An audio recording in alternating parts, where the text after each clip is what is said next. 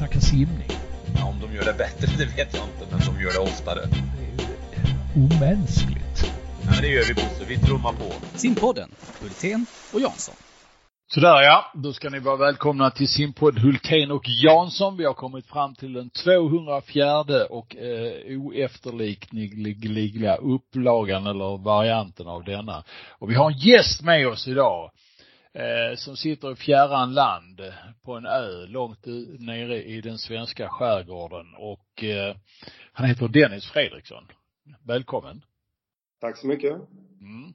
Och Jansson, Thomas i förnamn, en del av eh, namnet här i Hultén och Jansson hälsar vi också varmt välkommen in i värmen. Mm. Tack ska du ha. Ja. Dennis, vad gör du där du är nu? Berätta var du befinner dig. Ja, jag är ju på fjärran land, men inte i Sveriges skärgård, utan jag befinner mig på Fuerteventura. Mm, det är väl södra delen av svenska skärgården, va? Är det, det är det. Där jag, jag bytte mitt eh, kontor här för en vecka, så jobbar jag här nerifrån istället. Och ja. eh, samtidigt tränar lite grann, mår mm. bra i solen. Ja. Trevligt. Ja, Okej. Okay. okay. Det, det finns många anledningar att ta med dig i eh, simpodden Hultén och Jansson. En är att du är på Fuerteventura och tränar och kan eh, regissera, eller vad heter det, recensera det eh, jobbet. Men det är inte därför du är här idag, utan det är därför att du ansvarar för Swim Open i Stockholm och nu är det inte långt kvar. Nej, vi börjar nästa vecka. Ja. Eh, om du gör en monumental analys av eh, Swim Open, denna upplagan som vi ser 2022 jämför med tidigare, eh, vad säger du då? Ja, alltså vad man vill jämföra med är ju 2019 som var ett kalasår med 1200 deltagare och jämför med den så är vi ju en halvering utav antalet deltagare i år. Eh, drygt 600 deltagare och det har ju härrör sig till covid-19 då såklart, restriktionerna. Eh, så det är en eh, betraktelse jag gör och den andra är att vi har en extremt bra startfält i år. Mm. I förhållande till det antalet simmare som finns. Att vi vimlar utav världsstjärnor världsrekordhållare, OS, EM, VM-medaljörer. Så det är något positivt. Mm. Eh, så man kan väl säga att det är, det blir ett annorlunda Swim Open. Det blir betydligt häftigare än i fjol, som ändå var riktigt häftigt. Mm. Men det var ju bara 300 deltagare. Mm. Så nu blir det väl dubbelt så häftigt då. Eh, men fortfarande så blir det inte fullt ut då som det var 2019 och som planen var 2020. Hur fördelar sig de här 600 deltagarna? Ja, men det var en bra fråga. Vi har delat upp det på hälften kvinnor, hälften män. Eller hälften eh, flickor och hälften pojkar då. Och sen gjorde vi en eh, uppdelning också på 70 procent seniorer, 30 procent juniorer. I den första uttagningen vi gjorde som det var 500 simmare i. Sen när vi adderade upp ytterligare drygt 120 simmare så gjorde vi tvärtom. Då tog vi 70 procent juniorer och eh, 30 procent seniorer i den uttagningen. Så att det börjar bli ganska lika nu. Jag tror att det är runt 55 procent seniorer och 45 procent juniorer. Och varför vi gjorde det, det var egentligen för att skapa förutsättningar för juniorerna att eh, få tävlingar inför sommarens mästerskap också. Två, två frågor från, från mig här Dennis. Den ena är definitionen av juniorer, seniorer, var går strecket på ålder och den andra är en himla massa världsstjärnor. Jag skulle vilja att du tydliggjorde lite mer. Eh, himla är ett ganska vitt begrepp. Ja, himla är ett väldigt bra ord tycker jag för det första. det är det. det. Det, ska, det ska vi ha med oss. Så att eh, himla får man använda ofta. Det gör ni inte det uppe i världen?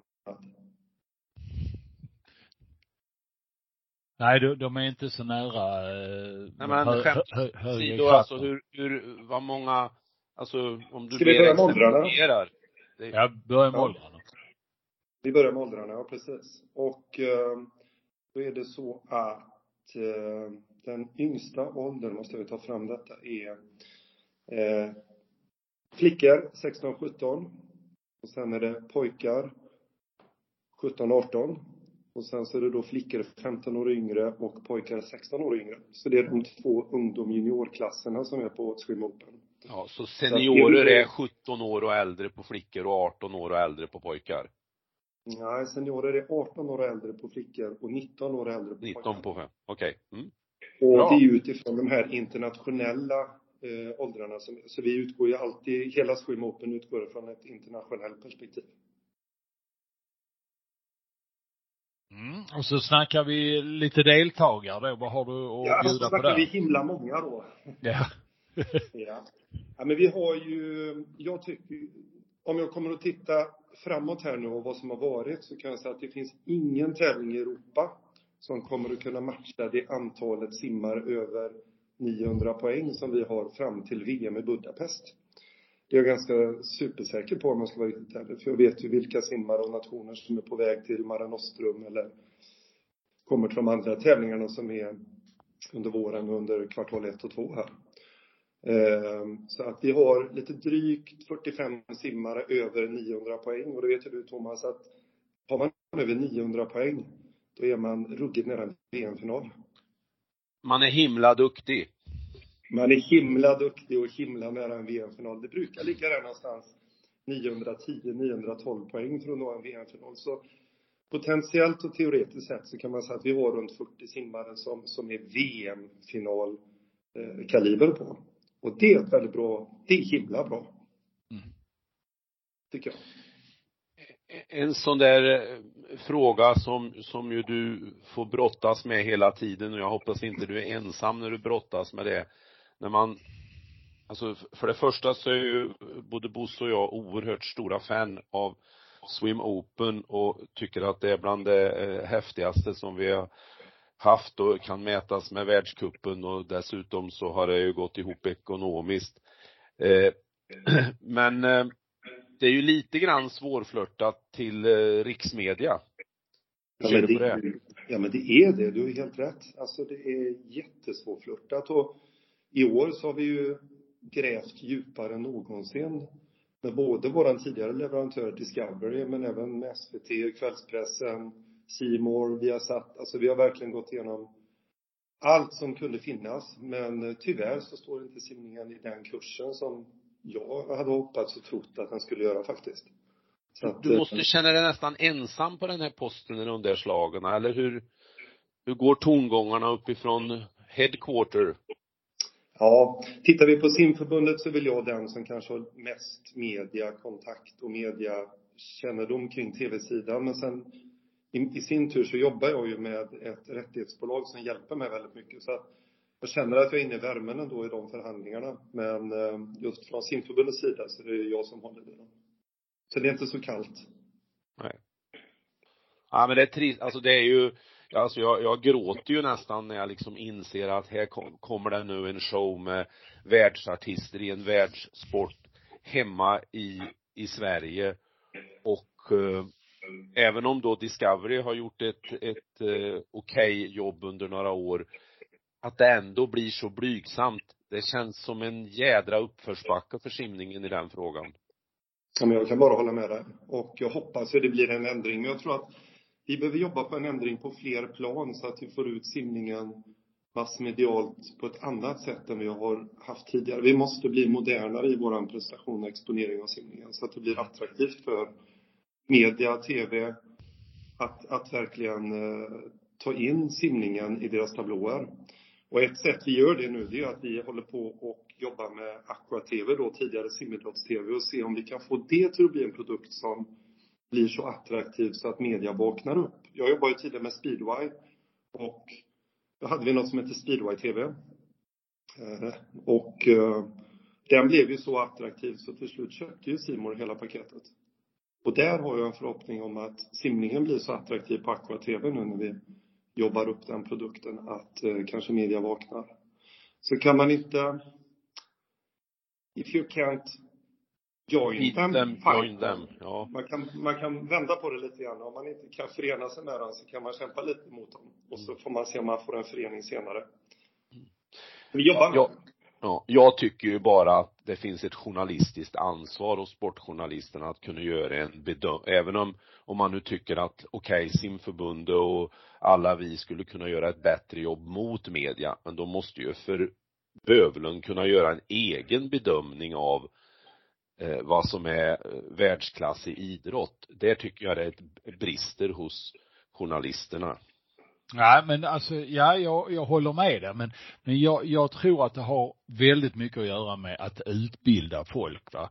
Eh, och sen har vi, har vi ett, när det, när det gäller simning och bevakning på simningen så är det väldigt mycket från svenska journalister. Ett svenskt, alltså man har ett svenskt fokus när man bedömer. Man tittar inte på, jag, jag gick in och tog en gren här bara rakt av på Swim Open och tittade på startlistan. 400 fritt herrar. Ja. Eh, och då är jag inne och tittar på åttonde man på 400 fritt herrar. Och så tänker jag på vad han hade på 1500 eh, i helgen. Oliver Clement, tysken, som hade 14,50 i lång bana i helgen på 1500. Han är åttonde man. Sen är det Åbök leder eh, OS-ettan Florian Wellbrock. Eh, Världsettan år på 1500, Lukas Mertens. Vi har eh, ukrainaren Romanchuk.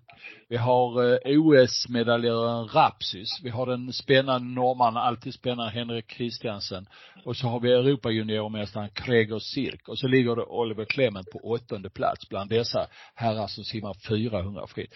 Om man inte kan göra bedömningen att det är världsklass, eh, då kan man inte kalla sig simintresserad sportjournalist. För så är det nämligen. Det, man kan inte ens kalla sig, eh, vad heter det, sportjournalist tycker jag. Nej men alltså att göra den analysen som jag gjorde nu här, eh, den kan man nästintill göra om, om man eh, bara intresserar sig och tittar lite på lite listor rätt upp och ner och så här. Det är inga svårigheter. Men, alltså det är bättre än vilken Golden League som helst i friidrott va. Men eh, problemet är att vi har inte utbildat journalister och det är för få journalister som skriver. Mm. Men det, det är en annan Det, det, det är ett stort ämne och jag, jag tycker snackar vi Swim. Open. Det, det, åtminstone tyckte jag det här var en ganska bra åskådlig bild på hur nivån är på Swim Open. Eh, Du far inte med osanning när du snackar om himla massa duktiga simmare faktiskt. Nej, det gör jag inte faktiskt. Och, eh, Och ändå är du säljare ju. Ändå ja precis, jag är gammal säljare vet du. Det, och det är också en del i det här med, med att vi måste få ut och exponera simningen bättre i media. Det är att vi måste bli bättre säljare från simförbundets sida och Svensk Simning. Och där har vi kanske en liten eh, väg att vandra. Sen tror jag att vad vi inte har haft sedan 1997, det är ju ett internationellt mästerskap i Sverige. Mm. För det är klart att hade vi haft det så hade lyskraften varit större. Det vet ju alla att efter VM i Göteborg, då hade vi ju media i vår egen ficka. Men det räckte ju att Kronak släppte en fjärt någonstans, var det dubbelsidigt i Aftonbladet och, och sen gjorde man stora uppslag i morgonsoffan på, på SVT. Så att vi hade kanske behövt att vi hade ett internationellt mästerskap så vi fick en ordentlig fokus. För handbollen har det, friidrotten har det, eh, skidorna har det och många andra idrotter. Men där, tyvärr har vi inte de anläggningarna. Men det är en helt annan fråga. Just idag i alla fall. Mm. Men du snackar anläggning. Eh, Eriksdalsbadet, eh, att ta emot årets upplaga av eh, Swim Open och 600 deltagare, det ska inte vara några problem va? Nej, det är det inte. Det är ju tvärtom så att det är en halvering mot tidigare. Nu har vi testat i år lite grann nya grejer faktiskt. För att 2019 så upplevde vi att det var lite trångt inne i simanläggningen. Mm. Så att vi, vi tittar på om vi kan bygga upp deltagarläktare på lite annorlunda sätt. Så att året blir en form av test för 2023 då, där vi hoppas kunna gå super all in. Eh, målsättningen är att få in någonstans 1350 deltagare på tävlingen och fulla publikläktare. Och då måste vi tänka om lite grann i hur vi bygger upp läktare, hur vi eh, jobbar med våra transportvägar inne på simhallen och sådär. Så att året är lite grann ett test för det också. Det var ett bra år för att testa tyckte vi. Mm. Men du, eh, det glunkas om stora renoveringar av Eriksdalsbadet i framtiden. Ja, det stämmer. De har en renoveringsplan som börjar 2024 och håller på till 2026 som det ser ut nu. Mm. Man kommer att renovera en, en del av anläggningen i taget kan man säga. Okej. Eh, De har inte, de har inte bestämt vilken ordning det blir men 50 ursäkta mig, 50 blir under ett år och sen blir det 25 ett år och hoppet ett år. Och när det blir så, så kanske, kanske Swim Open får gå i kortbana ett år. Eller så får vi se om vi kan hitta en annan anläggning kanske. Mm. Vi får se. Vad, vad finns det för anläggningsalternativ? Och sen gillar jag att ni i så fall istället för att ställa in väljer att göra det på annat sätt. Men vad skulle det kunna finnas för alternativ på 50 meters bana? Ja, ställa in är aldrig något alternativ. Det, det, Nej, det är bra. man kan göra, för man tappar ju varumärket också. Och är det någonting vi har jobbat med Swim Open så är det verkligen varumärket. Vi kan komma tillbaka till det sen. Eh, teoretiskt sett skulle vi kunna köra i 25an. Alternativt så tittar vi på möjligheten att köra någon annanstans, Stockholmsområdet. Det är ju ganska små simhallar då om vi tittar på det. Men det skulle också kunna vara Linköping. Som får en väldigt mm, fin 50 meters bassäng nu. Eh, Så det är, det är ett alternativ att köra i lite större anläggningar som är någon annanstans. Jönköpings nya ett alternativ. Skulle kunna vara. Det är ju, det är två stycken idrottsvänliga kommuner också som har bra logistik kopplat till sina anläggningsområden. Och det är egentligen det avgörande för ett Swim Open. Det är att man kan samordna mat, logi, Eh, tävlingen och tävlingsupplevelsen på ett bra sätt. För det är ju det som har varit det unika med Sweden Open Stockholm. Sen är det klart att vare sig Jönköping eller Linköping kan erbjuda den här nära positioneringen med en flygplats. Men det får man lösa. Mm. Ja. Eh, det kan ju Malmö göra i framtiden om inte annat. Eh, kan ju bli lite spännande. Eh, lever du fortfarande nere på ön? Där Du försvann ur min, mi- mitt öra här nyss, men det är bra Fred, Dennis. Ja, men jag är kvar. Ja, vad bra. Jaha, vad har vi mer att säga om eh, årets Swim Open? Vad, vad, är- vad är dina tankar så att säga? Vad, vad hoppas och tror du på att eh, det här ska ge? Ja, i år är det ju lite annorlunda. Jag var ju nere i Abu Dhabi i december på VM och skulle rekrytera både team och världsstjärnor till att komma till Stockholm. Mm. Och sen när jag kommer dit ner så, då är det ju tuffa restriktioner. Så jag kommer hem utan ett enda avtal med vare sig förbund, världsstjärnor eller annat. Så att när jag, när jag kom hem därifrån så var jag ganska negativ i tron till att det här skulle bli en riktigt, riktigt bra tävling. Men sen med väldigt mycket telefonsamtal, väldigt mycket mejlkorrespondenser så har vi fått in ett extremt, tycker jag, bra startfält kopplat till att vi ändå inte ville gå all in med tanke på att restriktionerna släpptes först den 9 februari. Så det har varit en ganska osäker arbetsplan för årets Swim Open. Mm. Eh, Så vad jag hoppas nu det är att vi kan överprestera på plats. Att framför allt de stjärnorna som kommer hit känner sig trygga och att vi inte får in några sjukdomar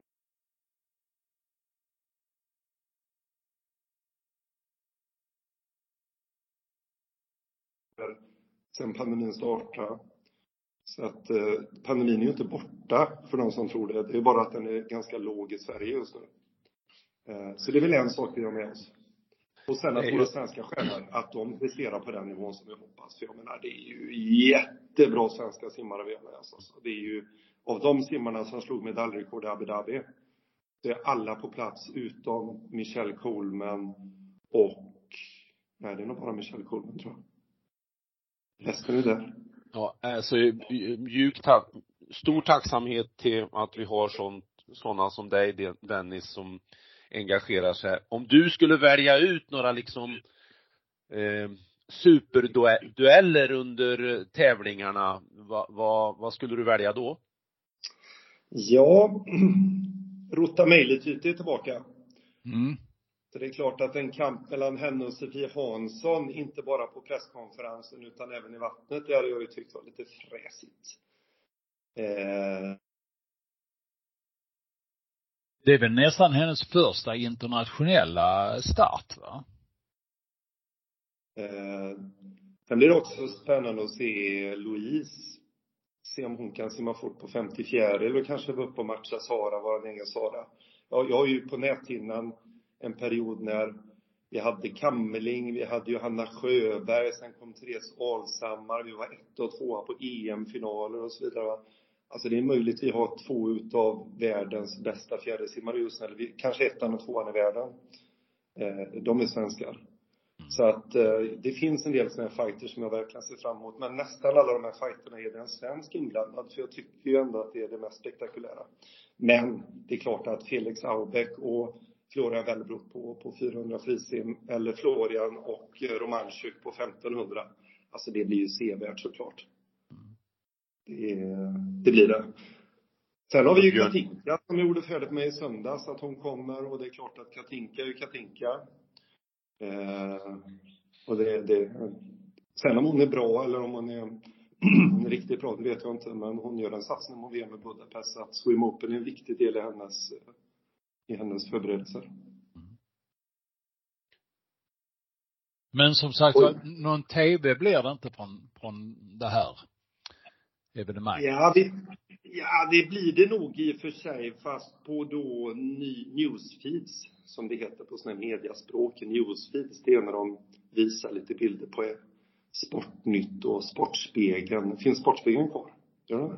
Ja. Ja, det gör det kanske. Söndagar klockan 19. Ja, så är det kanske. Det är så jäkla mycket på alla kanaler nu så man hinner inte titta på allt.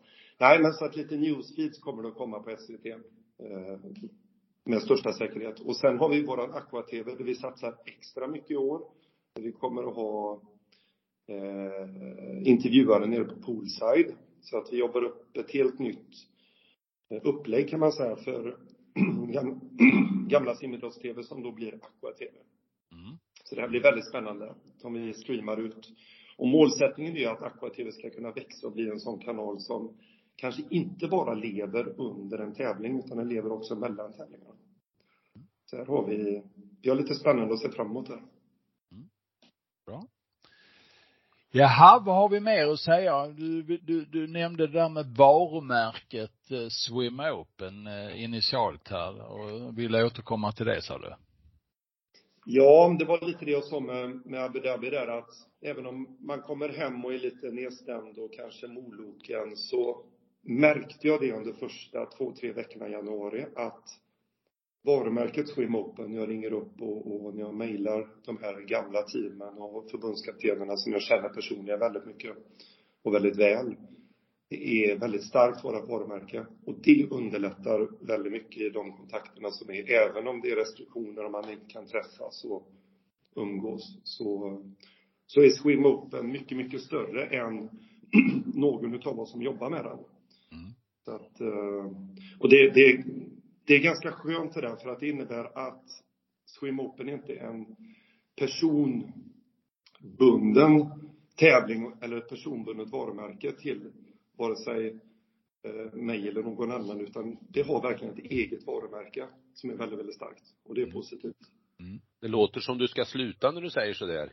Jaha, nej, absolut inte. Jag tänker ju ja, från början så hade jag nog tänkt att jag skulle köra i fem år, men nu har jag blivit lite triggad utav det här att Eriksdalsbadet ska bygga om. Så att eh, det är klart att jag skulle inte vilja lämna över Swim Open till någon som får det där i knät liksom, att rodda en tävling som inte kan, kan ha samma historik eller byggas på samma historiska sätt. Så att jag ser nog fram emot att ta utmaningen. Det ja. Definitivt. Och tillsammans med den Swim Open-organisationen som är. Så, det, så, så är det. Så jag, jag blir kvar ett tag till om simförbundet vill. Men just nu så lirar vi ganska bra så att jag tror att, jag tror att vi, vi är samma lag.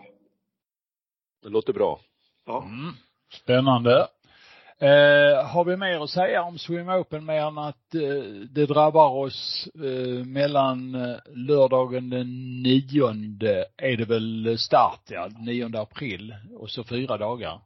Eh, lördag, söndag, måndag, tisdag. Det finns några få biljetter kvar faktiskt. Det är inte många. Jag är inte sugen. Mm, nu, nu, du, du, får ta, du får ta om den meningen för jag tror den försvann. Det fanns biljetter kvar sa du, sa du? Ja, det finns lite biljetter kvar om man är sugen. Inte många, men runt ett tiotal biljetter per dag finns. Mm. Är man inte sugen att kika så ska man gå in och köpa det. Ja. Ja, bra. Mer att tillägga Dennis innan vi eh, knyter ihop påsen? Nej, jag har inte ett dugg att tillägga. Jag ser fram emot nästa vecka. Det ska bli en av Swim Open är ju faktiskt det roligaste jag jobbar med under hela året, måste jag säga. Speciellt de här fyra, fem, sex dagarna man får välkomna besökare internationellt och visa upp Sverige, visa upp Stockholm och visa upp vad vi kan. Och eh, jag måste säga att jag är väldigt, väldigt stolt över att eh, jobba med Swim Open. Så att, nej, jag ser väldigt mycket fram emot nästa vecka. Ja, bra. Ja, vi gläds med det.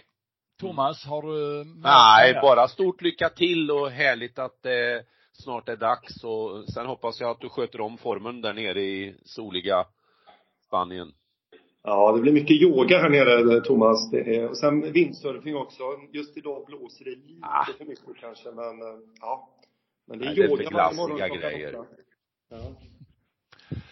Tack så mycket Dennis. Ha det så gott Tackar. och lycka till. Tack så mycket. Hej då. Hej. Nu ska vi snacka simning. Ja, om de gör det bättre, det vet jag inte, men de gör det oftare. Det är omänskligt. Ja, men det gör vi Bosse. Vi trummar på. Simpodden, Hultén och Jansson. Mm. Då är vi inne andra halvlek här efter att ha snackat med Dennis Fredriksson som eh, solar sig och eh, tränar på Forteventura och laddar upp inför Swim Open. Är du avundsjuk eller? Nej, egentligen inte och eh, förutom att han solar sig så är det en himla tur tycker jag att en sån som Dennis har dykt upp på arenan och, och rattar såna här typer av arrangemang som Swim Open. Eh, så att eh, då kan han väl göra det i sol och värme då. Absolut. Det är mm. mycket bra. Mycket bra. Mycket bra.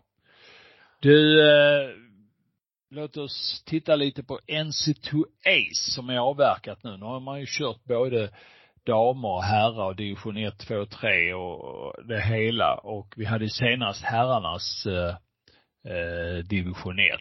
Eh, Björn Seliger, Robin Hansson, eh, till exempel. Eh, och fler fanns ju med i startlistan. Viktor simmar ju i, i början där också. Ja, Björn Seliger gjorde ju världsresultat. Mm. Med, även om det då på yardsmått mätt, men eh, det var ju oerhört imponerande framförallt hans eh, försökssimning på 100 frisim, hans eh, 50 meters simning, starten i lagkappen 18.27 eh, och det är väl bara dressen som är som är snabbare genom tiderna. Mm. Och eh, så det, det imponerar ju oerhört på mig också eftersom vi vet att han eh, behärskar ju 50 meters bana också på ett ypperligt sätt. Eh, mm. Kvalificerade sig till OS i, i, i somras. Och jag roade mig med att lite reflektera över simmare som har lyckats på NC2A, hur, hur det ser ut med internationella medaljer för dem. Eh, och då är det ju faktiskt som så att eh, Per-Ola Lindberg som vann en CTA 60, ja, början på 60-talet, eh, Europamästare till exempel, Per Arvidsson, världsrekordhållare och eh, olympisk guldmedaljör. Eh, Lasse Frölander, olympisk guldmedaljör, för att ta några. Till och med Mikael Örn som vann ett NC2A på 200 frisim tror jag, har en eh, internationell medalj i 4 gånger 100 frisim i Los Angeles. Mm. Så att, Bronsmedalj där. Ja. Så att det, Pelle Holmer, silver i Moskva och så vidare och så vidare. Ja. Agneta Eriksson, silver i Moskva. Ja. Hon så. var ju före Louise Hansson den enda som uh, hade vunnit NC2A för damer. Yes, yes. Så att det är en stort, och, och tittar man då historiskt så har ju herrarnas NC2A, den har ju funnits väldigt långt tillbaka medan damernas faktiskt inte är eh, alls lika länge. Den kom till på mer organiserat, eh, tror jag, tidigt 80-tal. Mm, stämmer. Mm. Mm. Eh, och tittar man i ett annat större perspektiv om man säger hur många, vi pratade nyss med, med Dennis här och fina Swim Open och mycket världsstjärnor.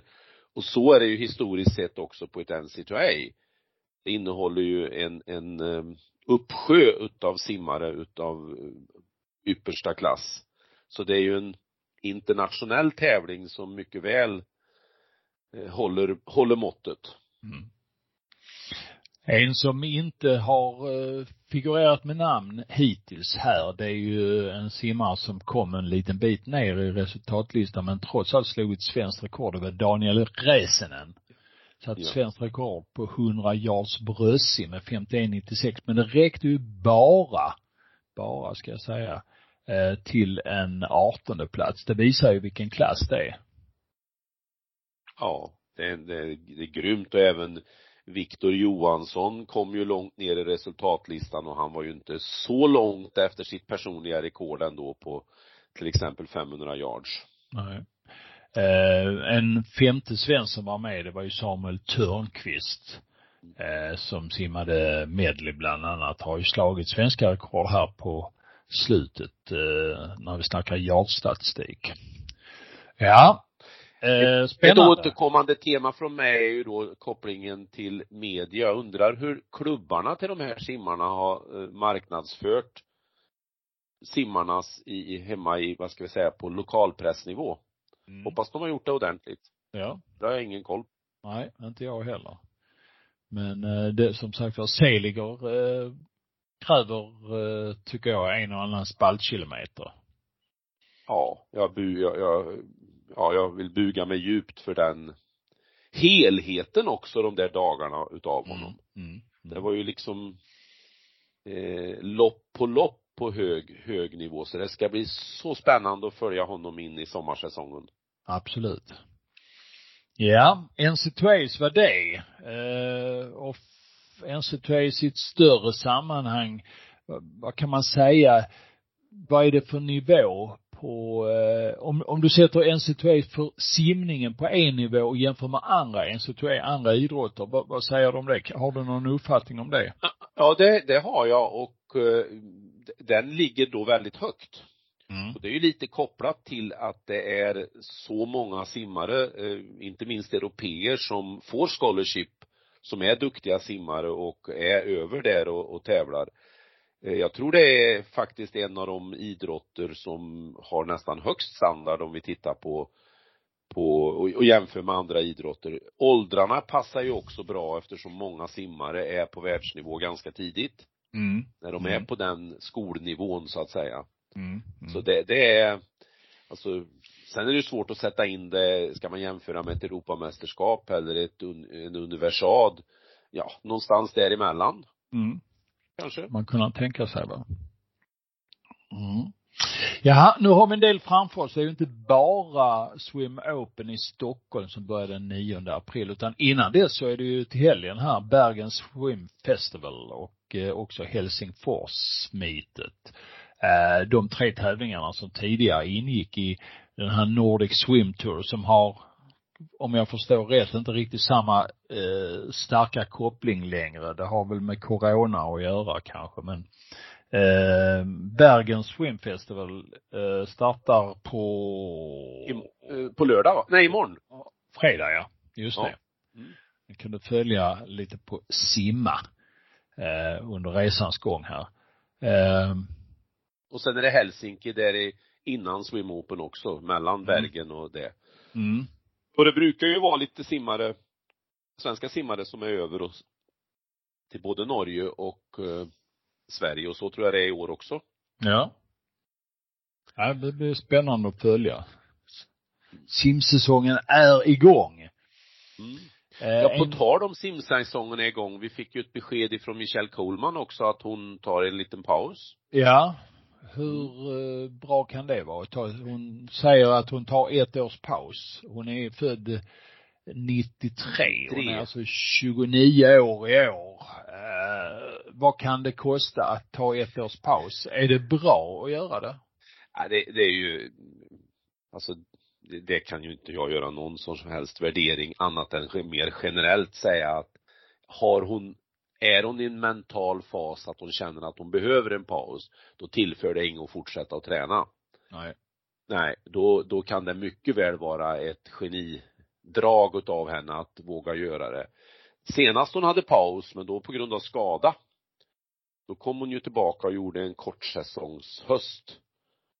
Eh, bästa någonsin. 2019 va? 2019 ja, så att, mm. nej men jag tror ju hon är jättesugen på att vara med i det här sammanhanget i Paris när hon ser hur duktiga eh, Sofie, Louise, Sara Mm. med flera är. Mm.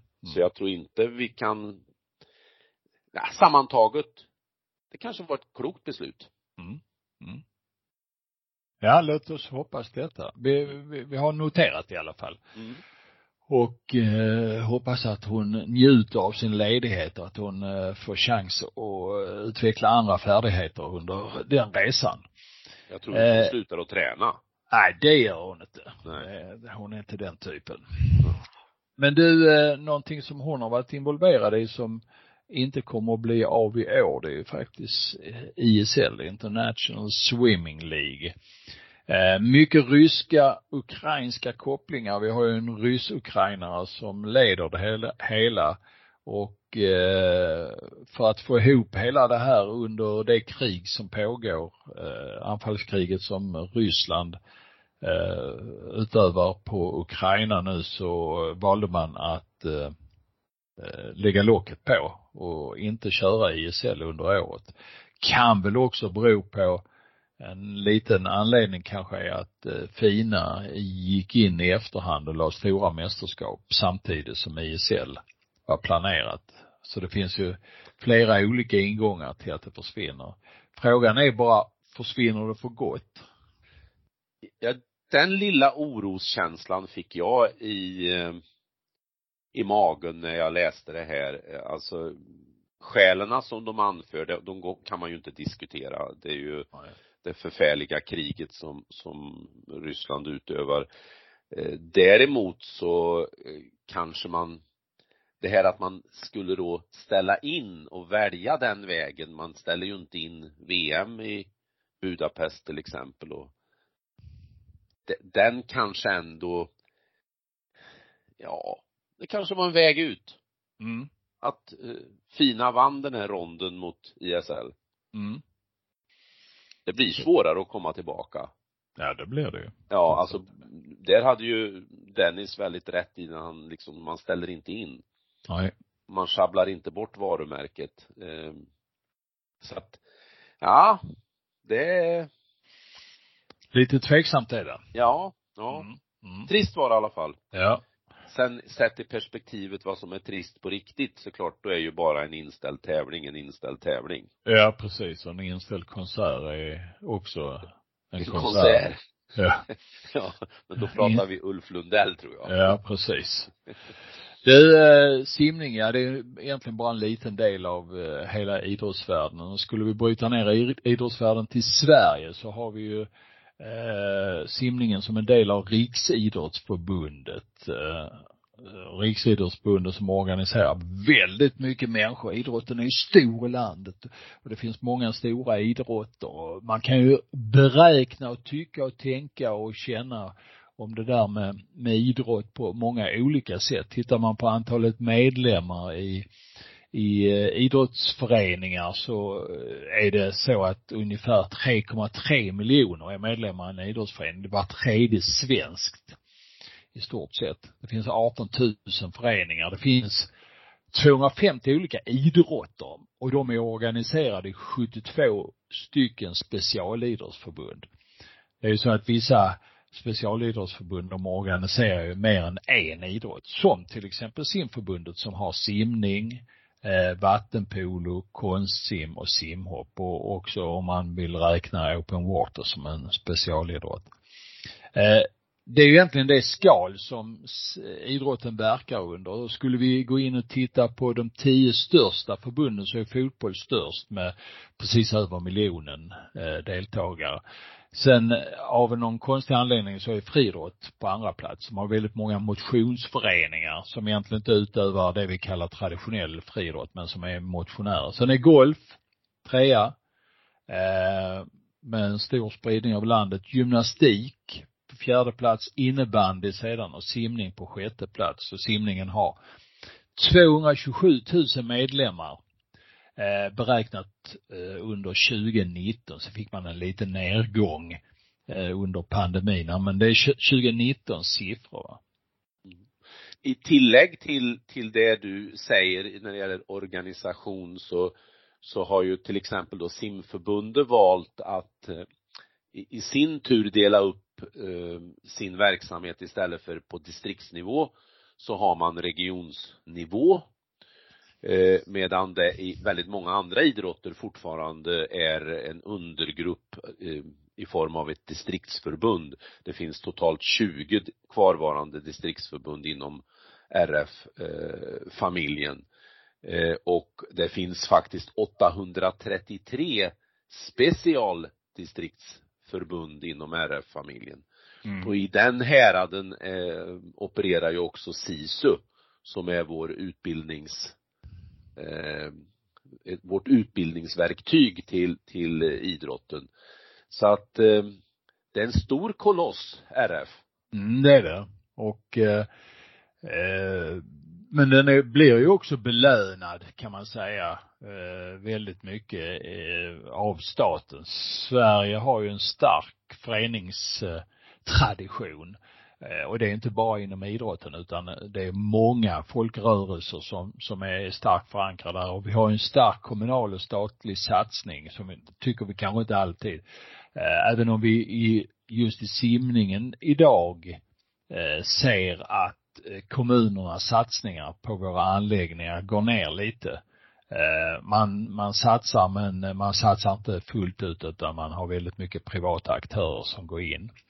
Och eh, det gör att idrotten tappar en hel del, skulle jag vilja säga. Det finns de som säger motsatsen, men eh, eh jag är inte så imponerad av eh, de privata aktörernas eh, engagemang inom idrotten. Eller rättare sagt, jag är inte så eh, imponerad av kommunernas sätt att jobba med de privata aktörerna. För det är ändå kommunerna som bestämmer hur det ser ut ute i varje enskild simmare. Snackar vi till exempel ett företag som Medley så är det inte deras fel att simklubben X i Ystad, inte Ystad men Sätestad, eh, får se och så många barntimmar. Det är kommunen som har sett till det. Så det finns ju frågetecken och farhågor inom vår idrott. Men det finns också andra som, som vi kan ta in i det här sammanhanget. Det, det du nämner om distriktsförbunden, den regional, de regionala distriktsförbunden som vi har inom simningen.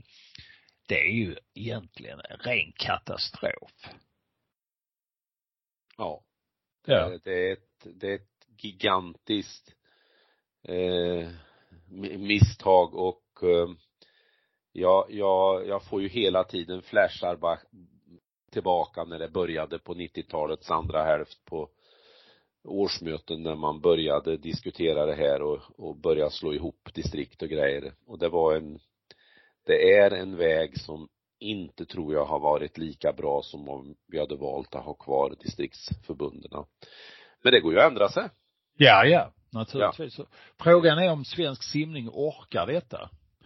Eh, för ju mer man skär ner och ju mer man centraliserar, ju mindre blir, eh, blir förmågan att liksom ta tillbaka förlorad mark och engagera nya ledare. Men jag, jag tror att distriktsskrotningen i svensk simning eh, i ett långt perspektiv är en stor, stor katastrof. Alltså tittar jag i Värmland här som ju var det sista faktiskt distriktet som eh, ja de kämpade ju verkligen emot med, med näbbar och klor att bli en del av en större organisation. Eh, där bildades det ju en, en eh, förening efter man försvann som heter Värmlands simförening som inte har en koppling till RF eller eller eh, no, simförbundet men där eh, klubbarna i Värmland eh, är anslutna. Och i det fallet var det för att hantera en tidtagningsanläggning som man ambulerar runt va. Men där är det ju en jättefrustration över att man blev en del utav eh, den större familjen och eh, nästan som man ibland eh, kan känna att de skulle vilja starta egna tävlingar och mm. köra sitt eget race. Jag tror du räknade ut att vi tappade bara på att eh, skrota distriktsförbunden eh, 300 ledare på den nivån. Var ja, det så? Ja, ja någon, någon, någonting sånt om man tittar på hur, hur organisationen var tidigare och då, och det är klart att det är ju omöjligt med då betald arbetskraft fylla den tidsluckan. Eh, fylla den att göra det att varför ett antal föreningar för å ena sidan då kan vi vara stolta över den utveckling som simidrotten har haft och tittat på allt som varit positivt. Men man får ju samtidigt hålla i huvudet att det finns eh, väldigt många distrikt där det borde vara mycket, mycket mer simverksamhet. Mm. Simhallarna finns, människorna finns, men det är ingen verksamhet att tala om. Så är det. Mm. Kan Så. vi göra någonting åt det, Thomas? Nej. Ja, en del uppfattar som att vi gnäller när vi tar upp det, men vi får väl, ja, vi får fortsätta att urholka stenen. Spotta på den. Finns det någon mer i landet som tycker att eh, distriktsförbunden ska återinföras? Eh, finns ja. det någon? Eh, finns det? Ja, det finns det. Jag tror ja. de, bland de här människorna jag nämnde som sitter i den här eh, piratföreningen, om jag kallar det så lite, lite felaktigt, så, så finns det ju personer där och så tror jag det ser ut på fler ställen runt om, för det, det man, man behöver närheten för att engagera sig. Mm. Och när närheten inte finns, då blir det inte samma engagemang. Så jag är helt övertygad om att skulle man säga att nej men nu öppnar vi upp här för distrikt, så skulle det starta aktiviteter i, i Dalarna, i Gästrikland, i Värmland, i Norrbotten, i Västerbotten etc. Mm. Det tror jag.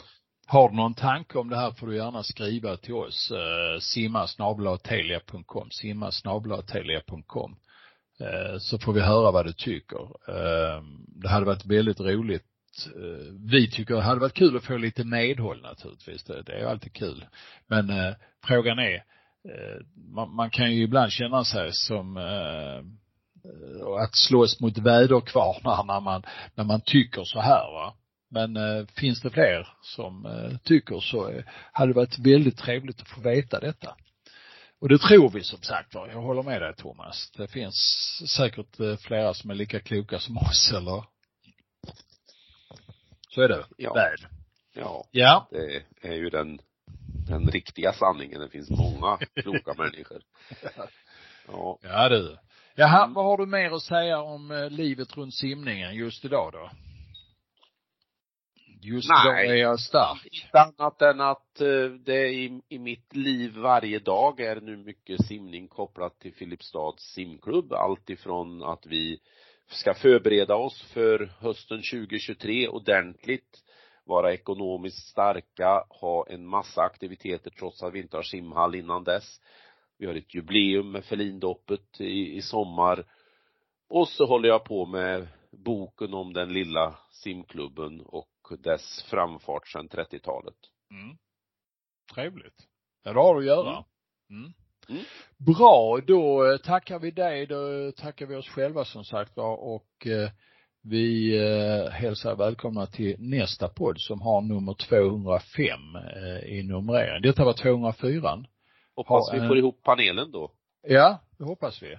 Mm. Eh, vi har samlat ihop hönsen igen så att eh, det blir bra, bra snack den gången. Eh, tack för idag Thomas. Tack själv. Ha det gott. Hej. Snacka simning de gör det bättre, det vet jag inte, men de gör det oftare. Omänskligt. Ja, men det gör vi Bosse, vi trummar på. Simpodden, Hultén och Jansson.